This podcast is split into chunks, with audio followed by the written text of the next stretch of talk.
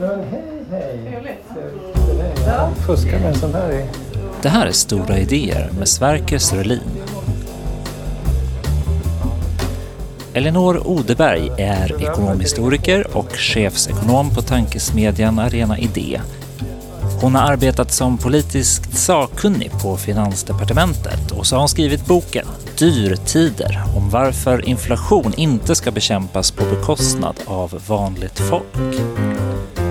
Även om man har alla objektiva fakta i målet så riskerar det att då ändå spela över i högre inflation för att man då skapar förväntningar om att inflationen kommer stiga. Sverker Sörlin är professor i miljöhistoria. Han har vunnit Augustpriset för sitt tvåbandsverk om Europas idéhistoria. Några av hans senaste böcker handlar om att försvara bildningen, om antropocen och om krisernas historia. Det här avsnittet spelades in före sommaren i Arenagruppens studio i Stockholm. Dagens politiker klättrar på stora idéer. Ibland vet de inte ens om det själva. Välkommen till min podd. Jag söker efter det som rör sig under det dagspolitiska i form av ideologi och politisk teori. Och ibland sånt som inte ens räknas som politik.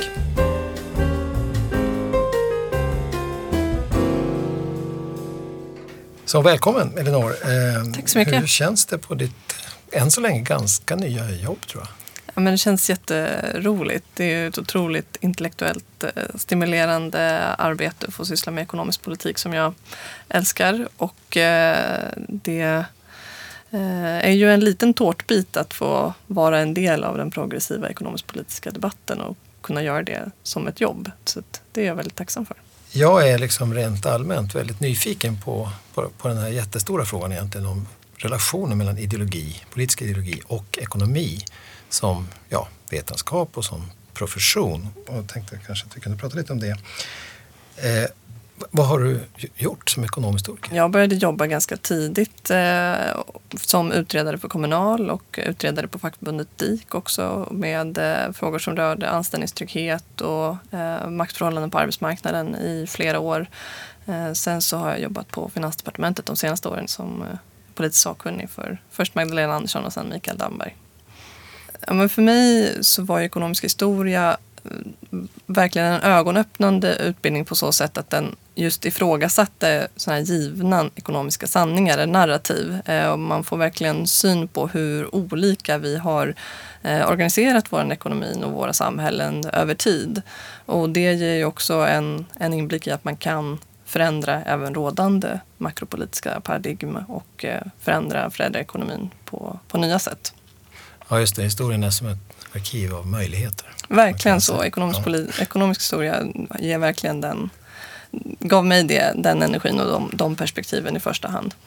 Annars är det ju ett intryck tror jag som många har, jag i alla fall, det att man lyssnar till ekonomer i medierna och sådär så, så är det relativt stor grad av överensstämmelse mellan ekonomer.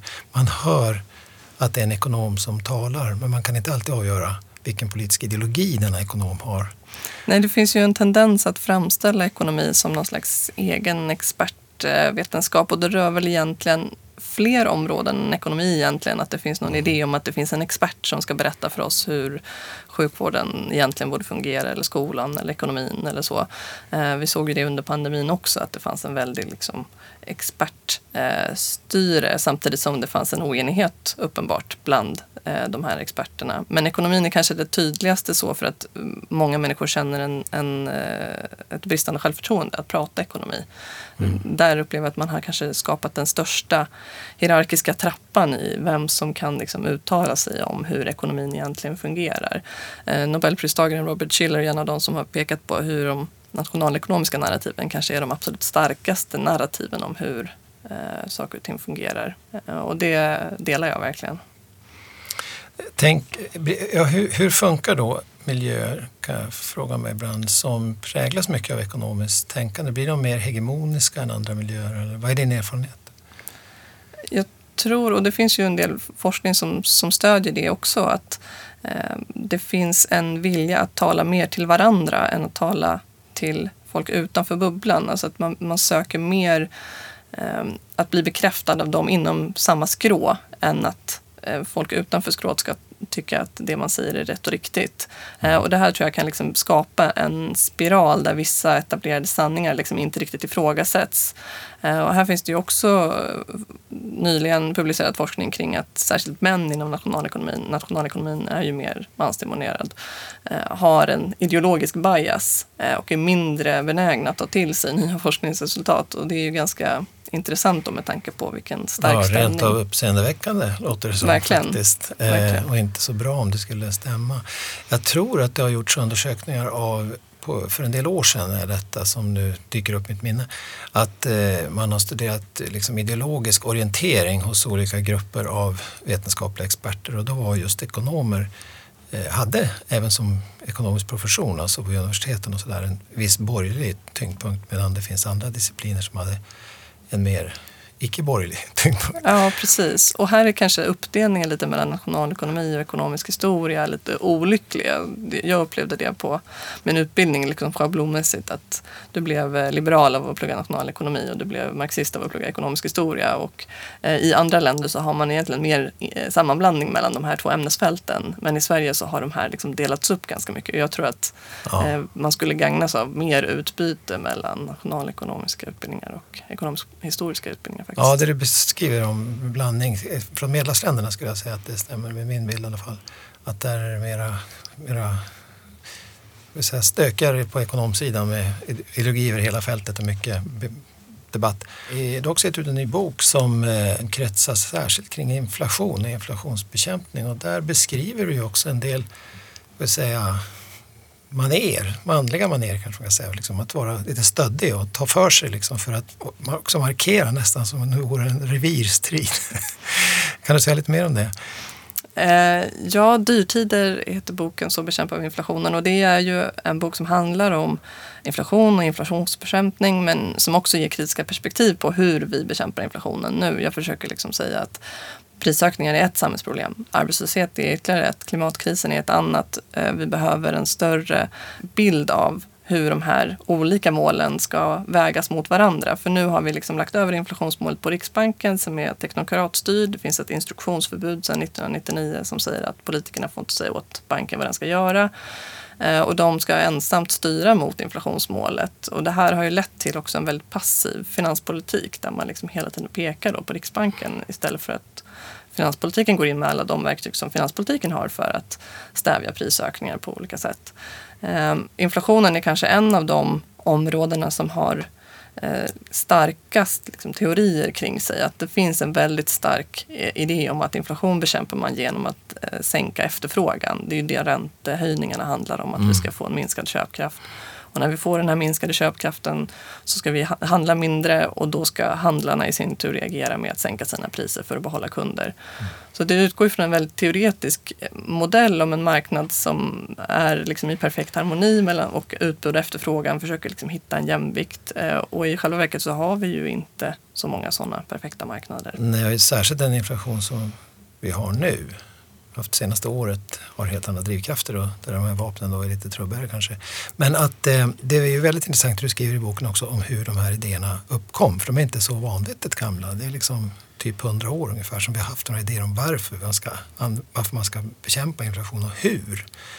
Kan du säga något kort bara liksom om vad som ledde, lett oss fram hit från Knut Fixell och framåt? Ja, nej, men Knut Fixell var ju eh, och, och eh, en av de första liksom, Eh, professorerna i nationalekonomi i Sverige som eh, var, var inne på just räntan som prisstabiliserande instrument. Innan dess så kanske det var mer att man liksom stängde banken och folk fick inte ta ut mer pengar och så för att man skulle hantera krigsskulder och annat som hade orsakat eh, inflation. Eh, men, eh, och hans idéer började ju liksom plockas upp eh, på 30-talet. men egentligen skulle jag säga att det rådande makroekonomiska styret fram till 90-talskrisen nästan, ehm, eller 80-talet, var ju att finanspolitiken hade liksom styråran i den, finans, i, i den ekonomiska politiken. Penningpolitiken var liksom ett instrument men inte det viktigaste. Eh, Gunnar Myrdal eh, skrev ju en uppsats om eh, höga skatter, låga räntor till exempel som, som fångade det här som handlade om att finanspolitiken är bättre på att hantera efterfrågan i ekonomin än vad Eh, räntan är som borde liksom hållas låg eh, istället. Eh, och att skatter har andra fördelar som att det ger intäkter till statskassan som man sen kan använda för olika typer av samhällsreformer. Eh, en högre ränta går ju bara till banken. Just det, så att eh, poängen med denna slagkraftiga titel är alltså att tar man ut mera skatt då har man också hållit ner efterfrågan, det vill säga man kan lösa inflationsproblemet men samtidigt få redskap för att göra annat samhällsutvecklande. Precis, ja det är ett annat sätt att, att liksom hantera eh, efterfrågan på som sannolikt är mer effektivt och som ju också kan utformas på ett progressivt sätt. Det vill säga att de som tjänar lite mer eller de som företag som har mer bärkraft bidrar mer.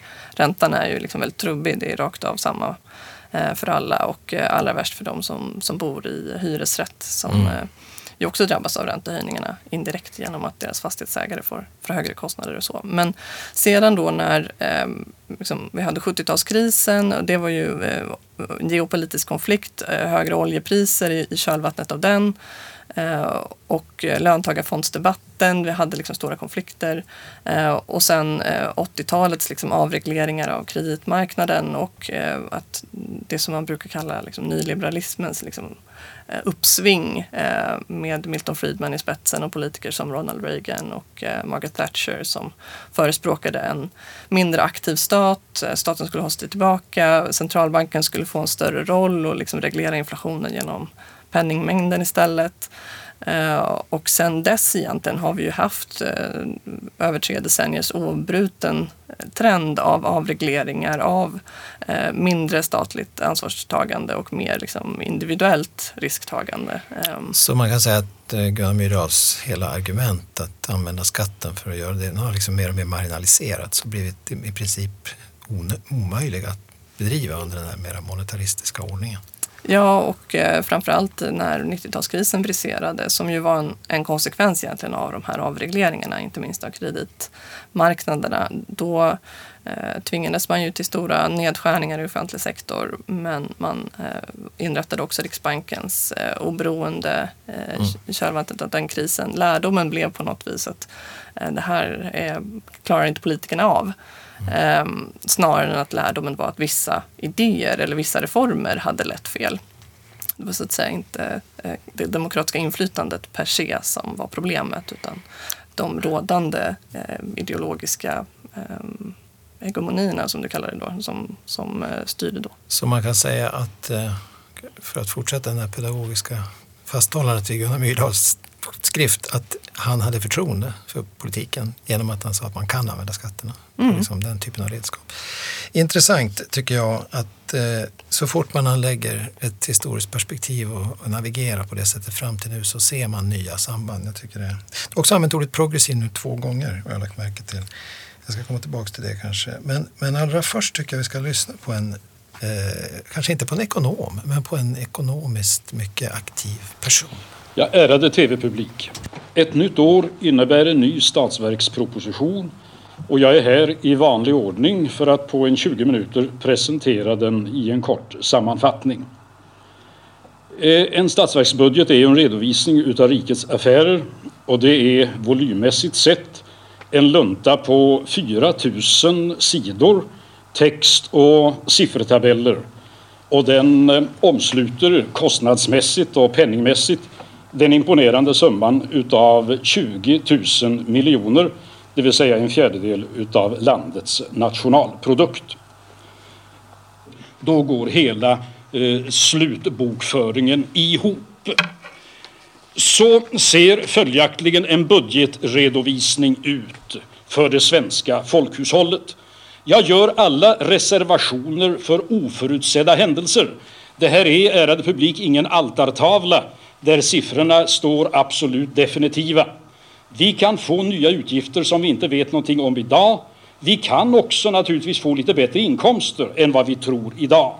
Men som helhet så ger det ett besked om omfattningen av den statliga verksamheten av folkhushållets affärer. En verksamhet som vi allesammans är med och betalar och genom våran folkrepresentation i demokratisk ordning bestämmer och beslutar hur pengarna ska användas till vilka ändamål som våra skatter ska satsas. Ja, det, den vi hörde var förstås Gunnar Sträng som var finansminister 1955 till 1976 i Sverige och här föreläser han, kanske man ska kalla det för, om statens budget i Sveriges Television. Det var 1963. Vad, vad tänker du när du hör de här orden? Nej, men jag tycker det är roligt hur mycket eh, av det här som går igen eh, ändå. Eh, det här kam lite kamerala, eh, liksom statsbudgeten går ihop eh, och ja, den, den lite torra liksom, redovisningen av eh, det är finans, finansministerns jobb är ju att också vara lite tråkig och mm. redovisa politikens prioriteringar, vilket inte alla, alla statsråd är tvungna att göra. Nu kommer inte så mycket in på sina ska vi säga, prioriteringar och vad han vill göra med dessa pengar. Men eh, skulle du uppfatta det som progressivt i ditt sätt att använda ordet? Inte på just den här, det här lilla klippet så skulle Men om man du kanske inte på hans politik det. i vidare mening, skulle du kalla den progressiv? Ja, absolut. Jag menar, 50, 60, 70-talet i Sverige kännetecknades ju av stora välfärdsreformer och man byggde upp landet efter eh, andra världskriget eh, och så även om Sverige inte var en del av kriget så drabbades man ju på olika sätt ändå. Och det var också en, en period med unikt hög tillväxttakt. Så att mm, det, 5 procent per år ja, sådär. Mm. kunde det vara många år i följd dessutom. Mm. Rekordåren. Mm. Men vad är just det progressiva? Tänker du? Vad betyder ordet för dig? För mig är det ju en slags framåtblickande politik men också att man eh, använder eh, för mig då som, som sysslar mycket med ekonomisk politik, alltså eh, man tittar på hur kan välståndet eh, som vi alla producerar fördelas på ett bättre sätt så att vi kan få det ännu bättre eh, i framtiden.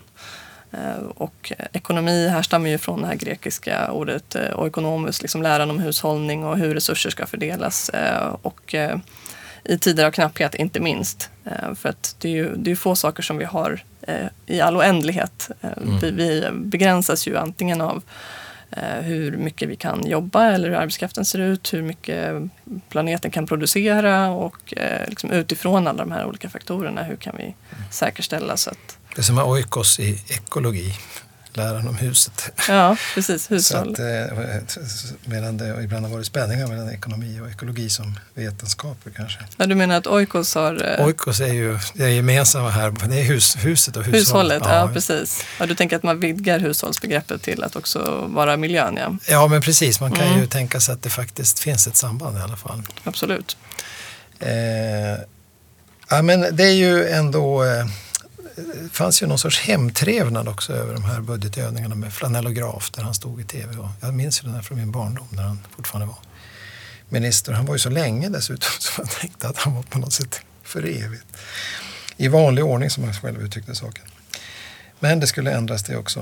Eh, får vi kasta oss då till eh, en, eh, ditt sätt att tala om progressiv inflationsbekämpning och då har du, eh, känner du till Isabella Weber? Eh, ja, absolut gör jag det.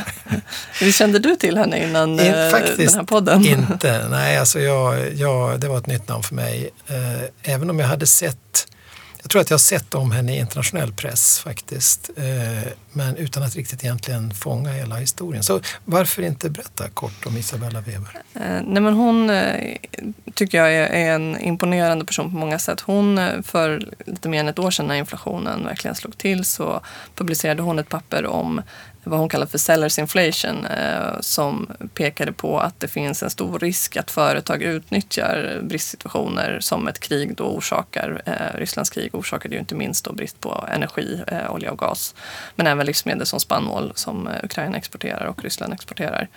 Och att, hon, att företag då historiskt använt sådana här situationer för att höja sina priser för att man har liksom en marknadsmakt eh, som gör att eh, konsumenterna har ändå ingen annan riktigt att vända sig till för eh, att få in den här varan ifrån. Och att politiken därför kanske borde titta på strategiska priskontroller eller pristak som man gjorde under andra världskriget under USA till exempel lutade hon sig mot för att förhindra att den typen av prisökningar skulle smitta av sig på hela resten av ekonomin och utveckla sig till en hög inflation, vilket ju också har skett nu under ett års tid. Mm. Och när hon eh, först publicerade de här tankarna så blev hon väldigt hånad, eh, rent ut sagt, inte minst av manliga ekonomer eh, som var mer etablerade i det här ehm, konsensus kring att det är efterfrågan som ska dämpas och det är räntan som ska höjas när inflationen sticker iväg. Och marknaden eh, får bara liksom fungera eh, och lösa, lösa det här. Ja, marknaden får bara lösa det här sades det. Och inte bara det. Vi skjuter in en liten tillbakablick här för att påminna om exakt hur hård kritiken var från skrået mot Isabella Weber. En respekterad professor kallade hennes analys för det sämsta som hade skrivits under hela året. På konservativ amerikansk TV sa man att Webers idéer var perversa.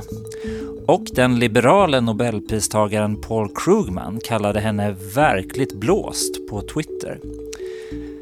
De här citaten har Katrin Kelos Marsall samlat ihop i en kommentar i Dagens Nyheter.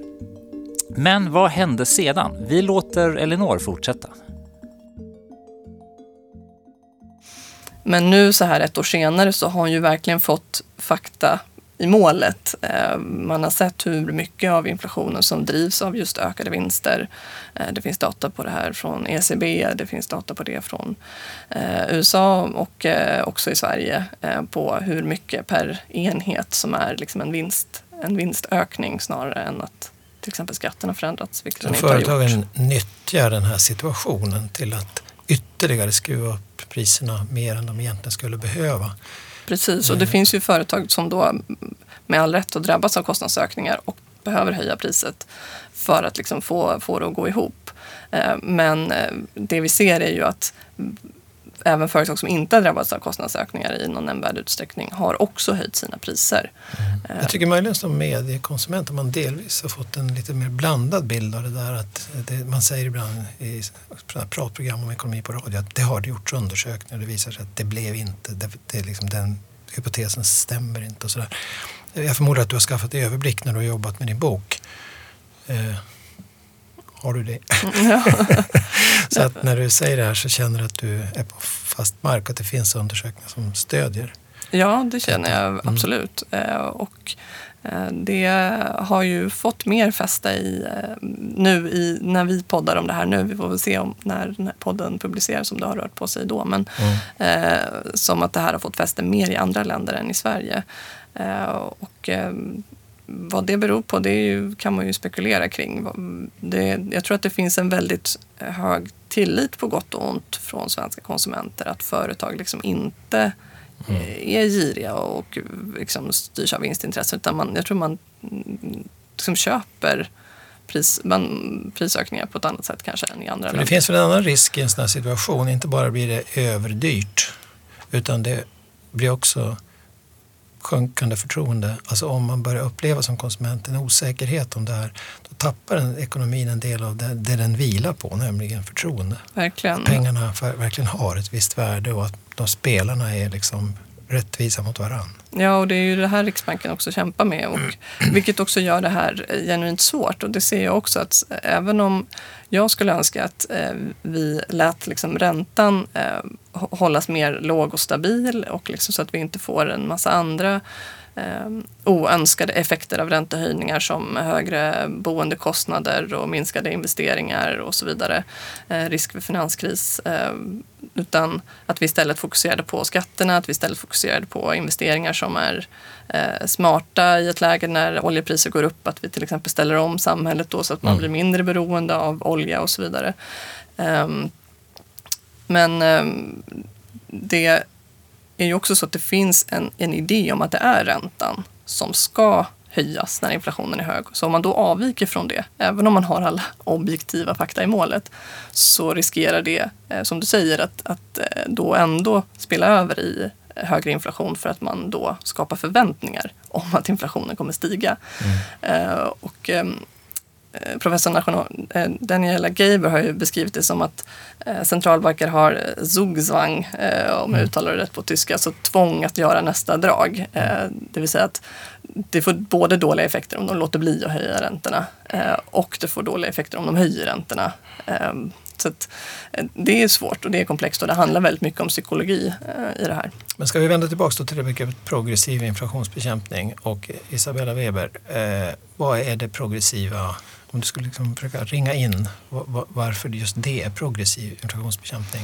Ja, men vad som är progressivt är ju såklart väldigt kontextbundet. I den här eh, nuvarande nationalekonomiska eller politiska debatten där man har en väldigt hög tilltro till att marknaden ska sköta det här själv och staten ska hålla sig borta eh, så är det ju progressivt att säga eh, staten borde tvärtom gå in och eh, prisreglera strategiska varor för att förhindra att inflationen eh, sprider sig. Hon går ju in med liksom en, en, en, ett perspektiv som inte är så vanligt eh, och vilket är eh, modigt och var särskilt då, för ett år sedan. Nu är det ju många fler som pekar på det här. Eh, bland annat jag själv. Eh, och eh, många andra som, som har sett hur vinsterna har utvecklats under det gångna året. Men, Men, när vi nyss hörde Sträng så var också ditt argument för det progressiva där att han såg framåt, han byggde ett samhälle med, för, för folket och eh, byggde infrastruktur och bostäder och det fanns liksom ett program. Eh, finns det det hos Isabella Weber också, någon sorts orientering för sa- samhällsbyggets inriktning? nej, alltså hon är ju en ekonom i grunden och forskare så, att, så att hon är inte en politisk ekonom som vi känner liksom Myrdal eller andra sådana här historiska personer som båda har haft en ekonomisk utbildning och samtidigt varit liksom politiska ingenjörer. Ehm, utan hon har eh, pekat på företagens eh, prissättningsmakt och eh, att staten har instrument för att hantera det för att förhindra att inflationen biter sig fast. Och det säger kanske någonting i och för sig då om den utvecklingen just att, att det får en så pass stor uppmärksamhet. Hon har ju blivit väldigt, väldigt eh, håsad för det här.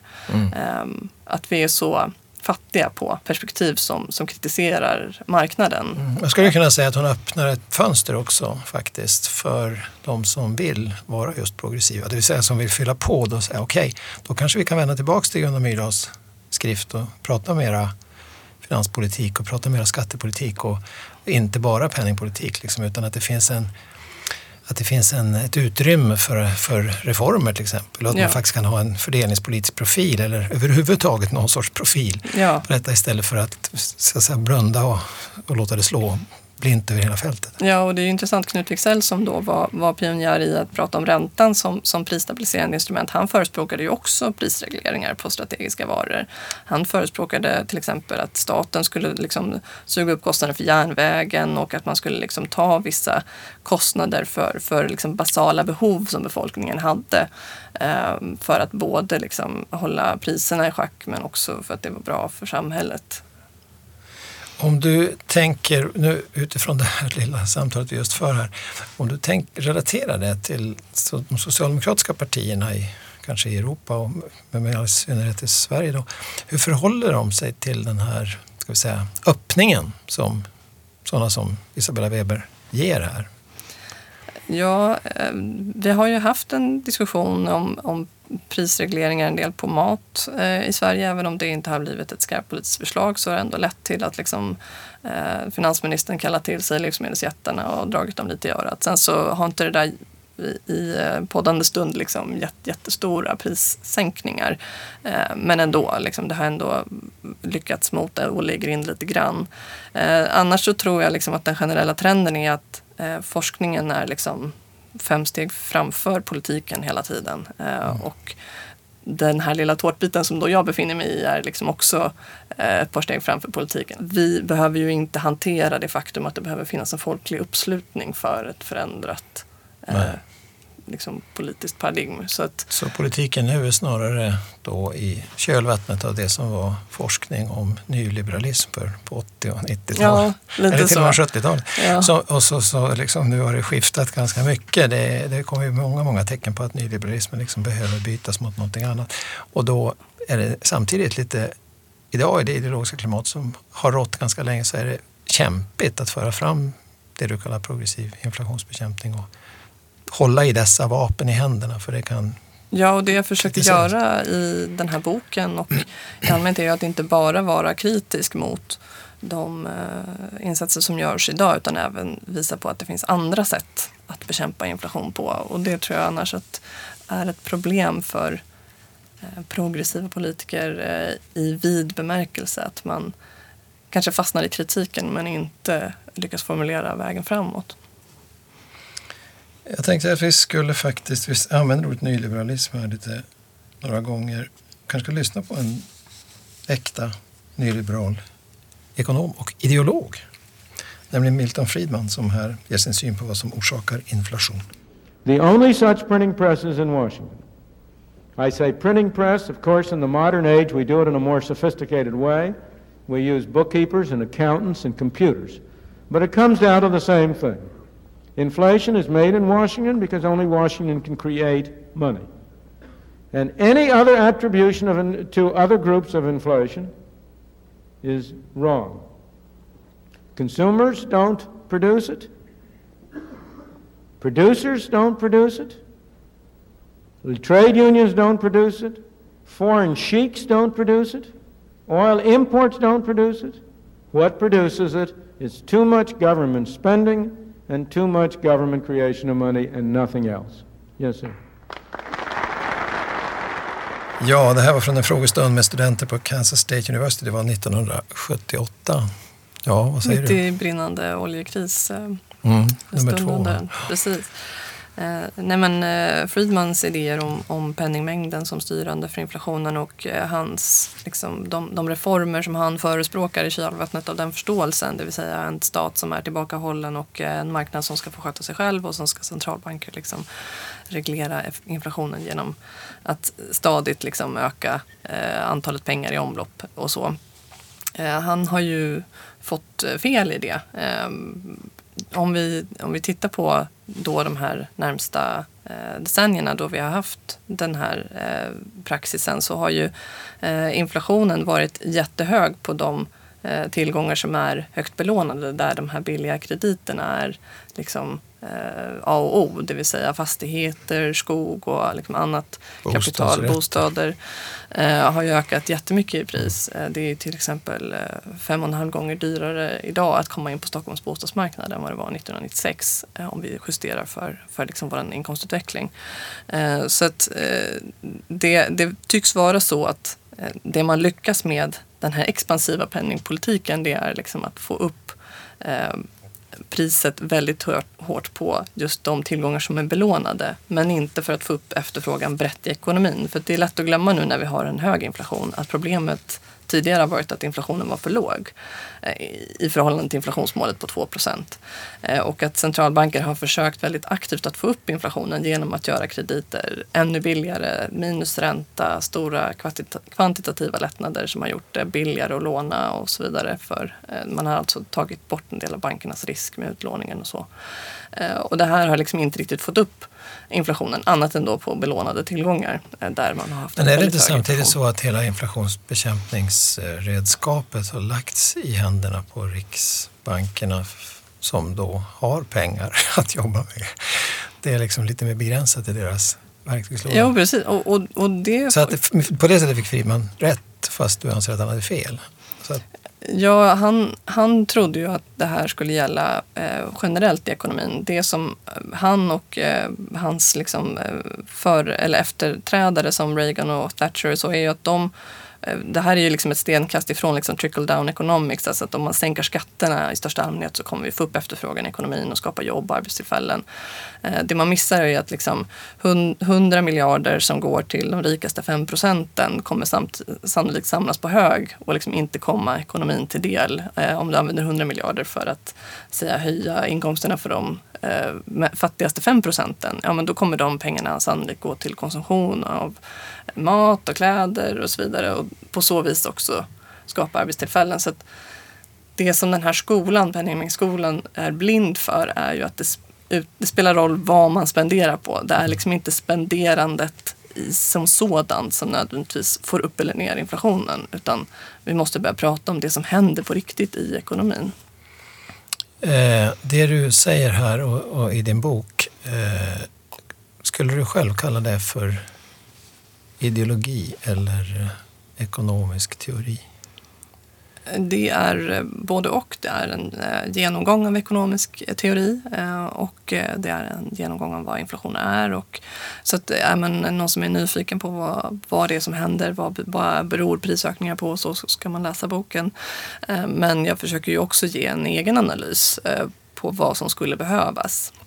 Och det är klart att det trygga hörnet är att bara mm, ge kritik eller liksom här behöver vi mer forskning eller liknande. Utan eh, jag försöker ju göra en egen analys också av hur man kunde in, in, bekämpa inflation istället med avstamp också i historiska exempel och eh, paralleller från andra länder. Ja, du är väl normativ, alltså du, du förklarar vad du skulle vilja skedde mm. liksom, och du har argument som stödjer sig på olika typer av undersökningar och forskning och historiska exempel och så. Men, men det finns ett, jag tycker i alla fall det, man läser boken så märker man att det finns ett ideologiskt element och jag uppfattar också att du är ganska öppen med det. Mm. Du dör, försöker inte gömma undan det så mycket som möjligt och Nej, vara men, jätteängslig utan du liksom står fram med det där ganska tydligt. Och då tänker jag att det kan vara intressant att jämföra med hur ekonomer generellt liksom förhåller sig till sin position när de argumenterar för olika positioner. Och ibland kan jag tänka att det, i hög grad är mer ideologiskt än många skulle erkänna. Även om det kanske var ideologi för några årtionden sedan men som liksom fossiliserats av politisk praktik. Ja, och upphört att vara så ideologisk som du förstår vad jag menar. Ja, nej, men jag tror att eh, den här boken för 40 år sedan hade inte ens kanske setts som ideologisk. den kanske hade varit, för den hade kanske varit mer mainstream. Ja, eh, för att då hade man ett paradigm som var att penningpolitiken, hade någon sagt på liksom, eh, 60-talet när vi byggde miljonprogrammen med hjälp av också mm. låga räntor, man höll räntorna låga via politiskt inflytande. Hade någon sagt då, nej men borde vi inte frikoppla Riksbanken och låta dem bestämma helt själva vad räntorna ska ligga på. Eh, då hade ju folk tyckt att det hade varit helt knäppt. Så att Milton Friedman, när han kom med sina idéer om monetarismen och eh, att liksom, den tillbakahållna staten, då var ju han eh, radikal. Eh, hans, hans skola hade kanske kallat honom för progressiv. För att han, han bröt ju mot det dåvarande makroekonomiska paradigmet. Sen så har hans eh, teorier blivit mainstream idag. Eh, mm. Så det är ju igen, det visar hur det växlar genom historien. Ja, just det. Och som historiker kan vi väl då enas om att förändring är det verkligt viktiga. och att den kommer man aldrig ifrån. Men jag tänker på de miljöer då, man får vända tillbaka till, du har jobbat på Finansdepartementet, eller hur? Och eh, det är rätt nyligen dessutom. Mm, ja, det var ju när inflationen tog fart då förra året. Ja, det bara ligger något, något par år tillbaka sådär, så, så har du jobbat i den miljön. Så du har en viss erfarenhet av den och då tänker jag att om du försöker föreställa dig hur den miljön såg ut när Sträng var chef där. Om du skulle jämföra de två eh, så det var förmodligen någon sorts hegemoni som rådde där också men den var väl annorlunda än Ja, då hade ju en av eh, statssekreterarna varit eh, ordförande i Riksbanksfullmäktige till exempel, så att, som det var på, på Strängs tid. Så det fanns ju en helt annan koppling mellan, mellan Riksbanken och Finansdepartementet. Och, eh, eh ja, det är en del av varför jag också vill skriva den här boken. För det var ju uppenbart så att prisökningarna stod högst upp på människors dagordning. Det är folk som inte har råd att sätta mat på bordet eller värma upp sina hus och samtidigt så ska politikerna peka på en teknokratstyrd bank som ska lösa det här utan att egentligen ha de verktyg som krävs för att lösa en inflation som orsakas av eh, krig och eh, strypt mm. utbud eh, och eh, vinst, eh, vinstjakt. Och då skulle man kanske vilja se en riksbanksfullmäktige och en eh, riksbanksledning som tog till sig Isabella Weber och så. Va, va, kan det vara grupptryck som förhindrar dem? Alltså att även det som förefaller vara ganska rationella analyser och ge öppningar och spela över en intressant boll till politikerna och säga vi kan bara göra så här mycket, vi kan inte höja räntan mer. Vi, nu kan ni väl göra resten av jobbet. Ja, men jag tror att skulle vi ha ett annat institutionellt ramverk för det, en annan samordning mellan Finansdepartementet och Riksbanken så skulle de kanske säga det. Att vi, våra verktyg räcker bara så långt. Jag tror inte de, eh, alltså Riksbanksdirektionen är ju liksom kompetenta personer, de förstår ju det också. Men de, det här är, som det ser ut nu så är det inflationen deras mandat och då använder de de verktyg som de har, vilket är räntan och eh, penningmängden. Um, så det, det, är liksom efterfrågan som de kan angripa. Ehm, så att de reformer som egentligen skulle behövas behövs ju från finanspolitiken. Skulle du ändå kunna ta oss med till det där, depart till där departementet där du har jobbat och, och ändå ställa frågan om, om jag får ställa frågan om politisk ideologi, dess plats, dess status liksom i den vardagliga miljön. Hur upplever du det? Alltså den är ganska undanskymd skulle jag säga. För att när, när man kliver in i regeringsställning så är det på ett annat sätt att liksom styra Sverige. Det, man kliver ur en partiposition in i en eh, liksom styrande statsposition eh, helt enkelt. Eh, och med de kriser som har varit de senaste åren, först med pandemin och sen kriget i Ukraina, så blev det ju ännu mer uttalat att nu är det inte liksom partipolitik i fokus utan nu är det att vi måste liksom akut lösa den här hälsokrisen eller um, den här uh, säkerhetspolitiska krisen. Så när inflationen slog till, för oss som jobbade på Finansdepartementet så var det uppenbart att det här kommer bli en jättestor fråga uh, för vanligt folk. Uh, men det var ju då ändå tillgång till liksom skyddsrum, NATO, det var det som var första prio, liksom de säkerhetspolitiska konsekvenserna av kriget. Och att i vardagen jobba på departementen är ju väldigt mycket att, att hantera saker som händer hela tiden som är egentligen utanför din, din kontroll. Eh, och liksom se till att försöka lösa, lösa problem. Det blir ett ganska reaktivt arbete. Eh, och eh, inte minst för oss som jobbar för eh, politikerna som ska försöka liksom... Men det, ja, just det, jag förstår vad du menar. Men om vi ändå får insistera på den här skillnaden mellan Gunnar Strängs tid och vår tid. Liksom den, den ändå den avläsbar på ideologisk nivå också. Det är någonting med själva premissen för samtalet och förstås också den institutionella ordningen som du pekar på själv. Den har också ändrats. Är det inte ändå så att det någonstans sker en förskjutningar liksom i vad som är möjligt att säga, vad som är rätt att säga och så. Och att eh, det finns någonting som jag kanske är på jakt också efter den här expertsidan. Av, mm, hur den har vuxit fram. Ja, liksom, liksom.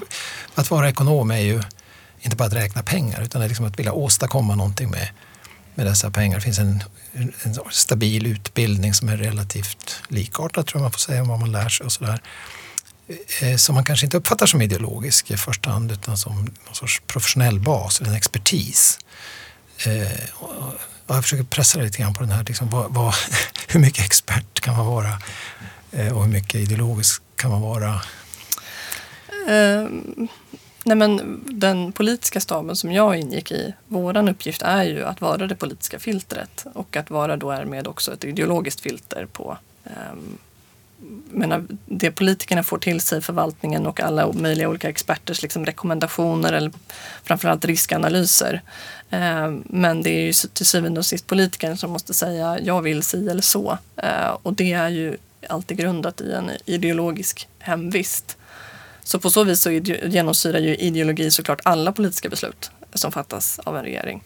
Sen så har man väl eventuellt liksom en, eh, en föreställning om att på Strängs tid så kanske de satt i sofforna och rökte och filosoferade ihop. Liksom, det, det fanns ju inte så mycket tid till det vad jag såg liksom på, eh, för eh, statsråden på Finansdepartementet. Men det jag vet ju å andra sidan inte hur det var för, Nej, för Gunnar Strängs gäng. De kanske skulle säga exakt samma sak. Usch, det var bara det. Man var tvungen att släcka bränder och, och så vidare. Det, det kanske ligger någonting i liksom stadsarbetets natur.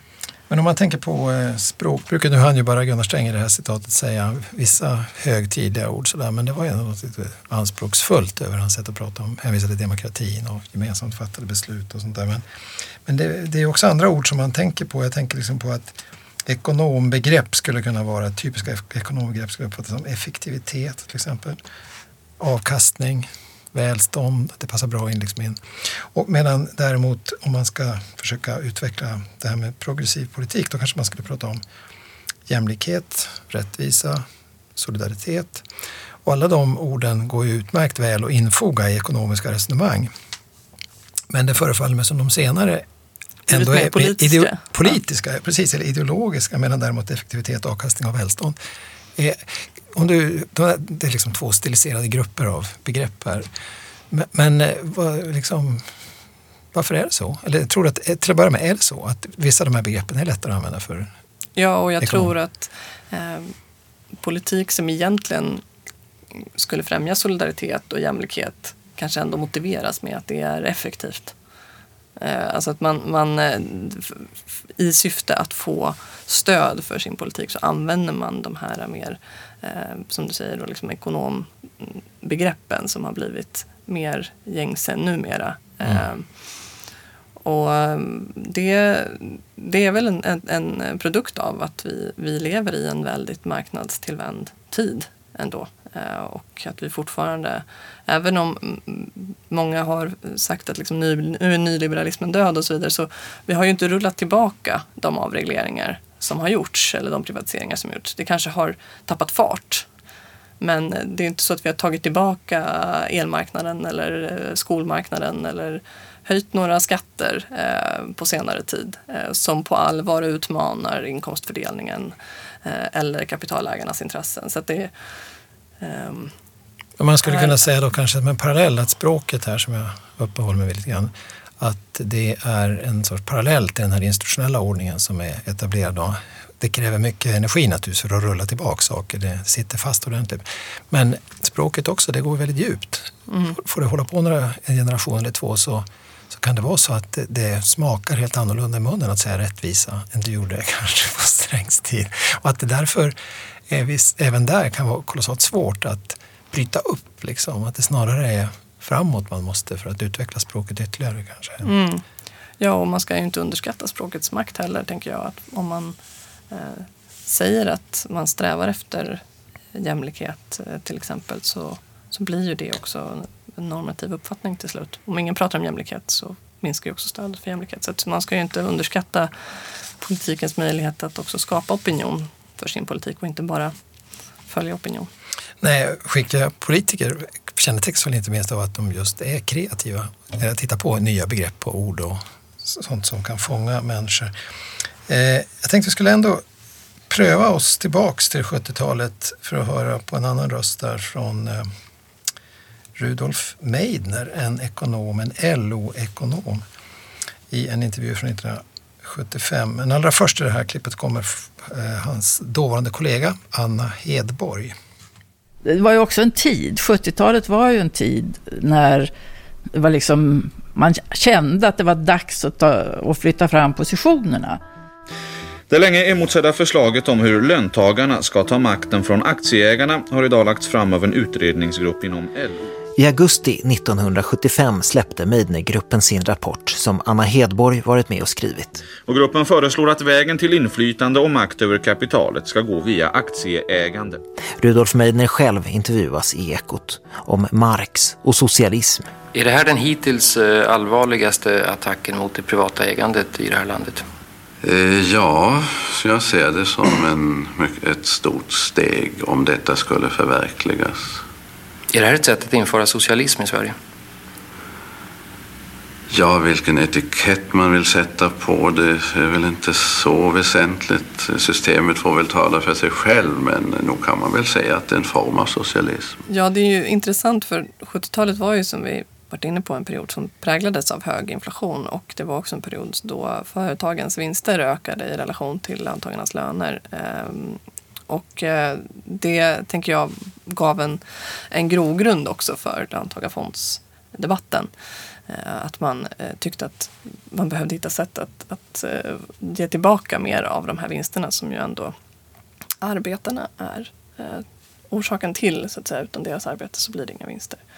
Mm. det, det är nog det som... Det fanns jag, ett argument för socialism. Det fanns det mm. väldigt tydligt och um, det här var ju liksom en, en uppåt, kulmen av en uppåtgående trend ändå av liksom mer, eh, mer och mer ekonomisk demokrati egentligen. Eh, och mm. mer reformer som, som gjorde att eh, fler människor hade möjlighet att påverka det var också ett väldigt kort historiskt moment kan man tycka. Dels var det den långa vågorna av liksom socialdemokratin som hade försökt med socialiseringsutredning på 20-talet och inte mm. kommit fram och sådär och avfört den. Och det fanns ett underliggande och sen kom liksom den här mera tillfälliga och dramatiska mm. vänstervågen på 60-talet och början på 70-talet. Och de möttes på något sätt i ett ögonblick. Hade Meidner under några år kunde lyftas upp till något av en sån här profet då, som kunde förkunna socialismens ankomst. Men 84 så rasade det ihop och näringslivet mobiliserade och så där så var det liksom borta och sen gick vi in mera i en Friedman-era. Ja, pendeln, pendeln slog helt åt andra hållet. hållet. Ja. Så det, det, är liksom märkligt. Men, men också hur det här språket då ju blev fullständigt omöjligt. Så att ett helt annat språk kom. Men det är ju intressant att han låter ju inte särskilt radikal. Nej. Det, är inte så, det är inte som att det här är någon uppviglande person. Han låter inte heller särskilt lycklig. Nej, han låter inte så nöjd utan det är som att han eh, har Neutral, pratat om att det regnar i helgen. Eller någonting. Ja, precis.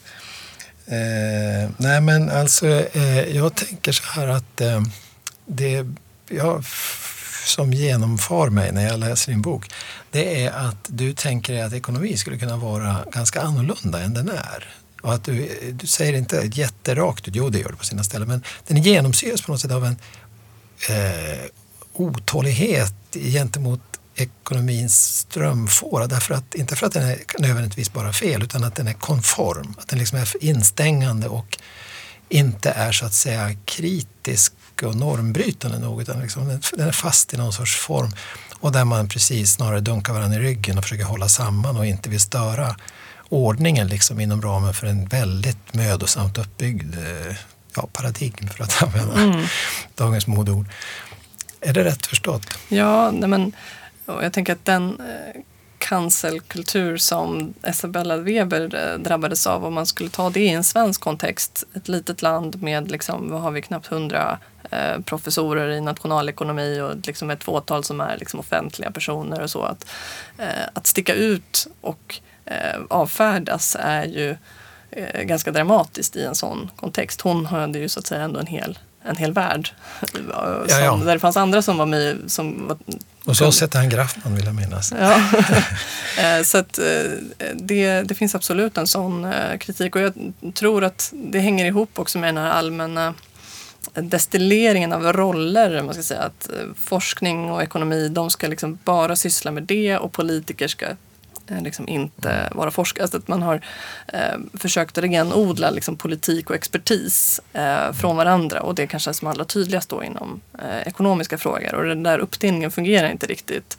Utan vi behöver kanske mer eh, akademiska personer som också är intresserade av politik och vice versa. Att vi behöver ha mer eh, utbyte däremellan. Så att eh, man faktiskt har personer som både är kunniga och vill eh, skapa reformer. Mm, eh, kanske lite mer tillåtande syn till, Jag tror att det finns en väldig rädsla bland många eh, forskare, inte bara ekonomer, eh, att eh, framstå som politiska för då förlorar man trovärdighet i sin roll som akademiker. Mm. Eller också tror man att man förlorar. Det kan räcka med att man tror att man förlorar ja, trovärdighet. man måste inte göra det nödvändigtvis. Jag har lite snabba frågor här på slutet som jag skulle vilja eh, ställa. Så vad, vad tycker du var det viktigaste du lärde dig under din utbildning? Nu får du svara kvickt där.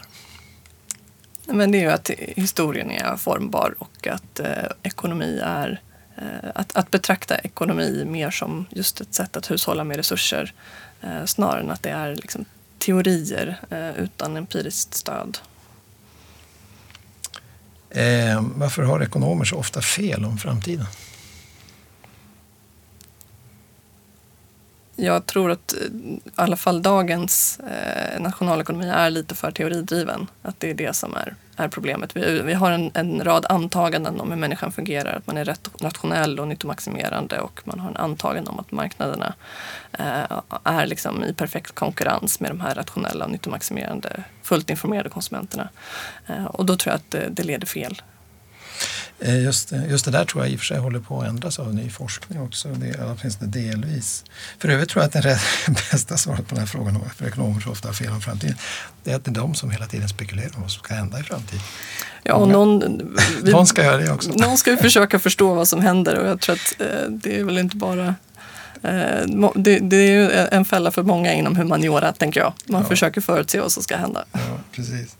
Eh, jag tänker också på eh, Ja, men alltså, eh, har du några favoritekonomer? Du får inte nämna Isabella Weber då. Ja, men då har du ju tagit Tre stycken får du nämna. Eh, nej, men eh, om jag inte får nämna Weber då kan jag ju ta eh, Thomas Piketty, en av såklart med hans jämlikhetsforskning och mm. Eh, den otroliga datainsamling som han har stått för. Eh, den, han är absolut en, en favorit. Gunnar Myrdal som vi också pratat om i sättet han just förenade politik och ekonomi, inte bara genom synen på liksom hur finans och penningpolitik skulle hantera inflation och investeringar och så utan eh, även kris i befolkningsfrågan som han författade tillsammans med Alva Myrdal eh, om hur man skulle liksom främja eh, barnafödande och underlätta för människor eh, genom familjepolitiken och en aktiv stat. Får jag skjuta in där? Mm. När du, det slår mig på en gång när du pratar om honom så här. Nämligen hans bredd. Mm. Alltså, visserligen är han ekonom, men han var ju så väldigt intressant på så många saker som krävde andra typer av kunskaper som han fogade in sin ekonomi i. Asian drama till exempel. Liksom. Mm. Mäktigt mm. Så det, och utvecklingsekonomi och sådär. Mm. Så väldigt bredd. Ja, nu hann du tänka på en tredje. Um, du måste ska jag ta då? Ja, men jag kände när jag funderade på de där frågorna innan att, uh, lite, att det var lite tråkigt att jag inte hade så många nutida svenska ekonomer som jag uh, kunde hänvisa till. Men, uh, ja, men då lyfter jag Agneta Berge. Hon tycker jag är en, en ung ekonom som är väldigt skarp inom arbetsmarknadsforskning. med detta så vill jag tacka dig Elinor Odeberg för att du var med i Stora idéer idag. Tack så mycket. Tack ska du ha. Stora idéer med Sverker Sörlin produceras av mig, Rasmus Malm, för Arena Idé. Gunnar Sträng pratade i SVT. Milton Friedman-citatet var lånat från Youtube-kanalen Liberty Pen. Och klippet om löntagarfonderna var taget från Besluten som format Sverige i P1.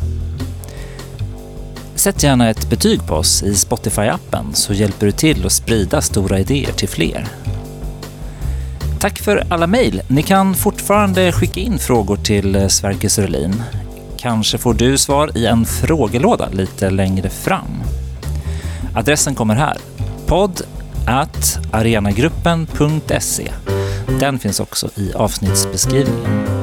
Klippning och mix Simon Karlsson.